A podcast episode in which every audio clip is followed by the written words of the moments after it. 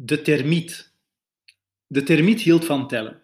Tellen was zijn lot, dat wist hij, en hij hield van zijn lot. Hij telde alles: seconden, minuten, dagen, vallende bladeren, zandkorrels, schelpen, golven. Hij vond het moeilijk ergens te zijn waar niets telbaars was. Een lege kamer zonder meubels, een kale boomstam in de winter, een leeg strand, een spiegelgladde zee. Maar tot zijn geluk was er bijna altijd overal wel iets te tellen. Als hij in de winkel van de springhaan op zijn beurt stond te wachten en iemand voor hem had tien stoelen of twaalf jassen gekocht, dan vroeg hij of hij ze even voor de zekerheid mocht natellen.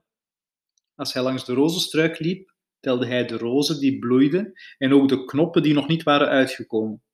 Als hij naar de lijster luisterde, telde hij hoe vaak de lijster dezelfde paar noten zong. Als hij de duizendpoot zag, dan ging hij na of hij nog altijd duizend poten had en niet één meer of één minder. En als hij in bed lag en de stofjes die tussen de gordijnen voor zijn raam dansten had geteld, dacht hij na over wat telbaar was en wat niet. Bomen waren telbaar, tafels, bloemen. Lucht was ontelbaar, aarde en duisternis ook niet. Water was volgens hem beide. In de rivier was het ontelbaar, maar als het regende en als regendruppels naar beneden vielen, was het telbaar. De termiet hield van de regen. S'nachts luisterde hij naar de druppels die op zijn dak tikten. Dan telde hij ze en probeerde ze bij te houden, wat bijna nooit lukte. Niet zo vlug, riep hij dan. Maar hij werd niet boos en bleef tellen tot het ophield met regenen of tot hij sliep. Als hij dieren tegenkwam en ze groetten hem, dag termiet, dan telde hij ze vliegensvlug en zei, dag krekel, pad, mier, eekhoor en nijlpaard, jullie zijn met z'n vijven. En op een verjaardag telde hij altijd de gasten en zei dan tegen de jarige, je hebt 39 gasten.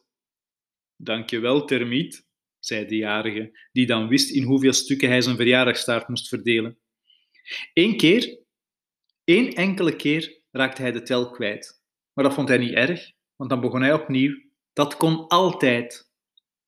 Stel je voor dat dat niet kon, dacht hij. Stel je voor dat iemand zijn hoofd om de hoek stak en zei: De tel kwijt? Aha, dan mag je niet opnieuw beginnen, termiet. Eens kwijt, altijd kwijt. Zo, en dan weer verdween. Dan zou hij, als er vijf dieren voorbij kwamen, moeten zeggen Dag krekel, muis, regenworm, kever en neushoorn. Ah, ik weet niet met hoeveel jullie zijn. Dan zou ik niet meer mogen terugtellen. Dat leek hem het ergste wat er bestond. Als hij in bed stapte, hij altijd nog even rond, keek hij nog altijd even rond. Eén stoel, één tafel, één raam, één deur, vier muren. Dat dacht hij dan. En als hij opstond, keek hij altijd eerst in zijn spiegel. Twee oren, zei hij dan, en hield zijn gezicht vlak voor de spiegel. Twee oren en één termiet.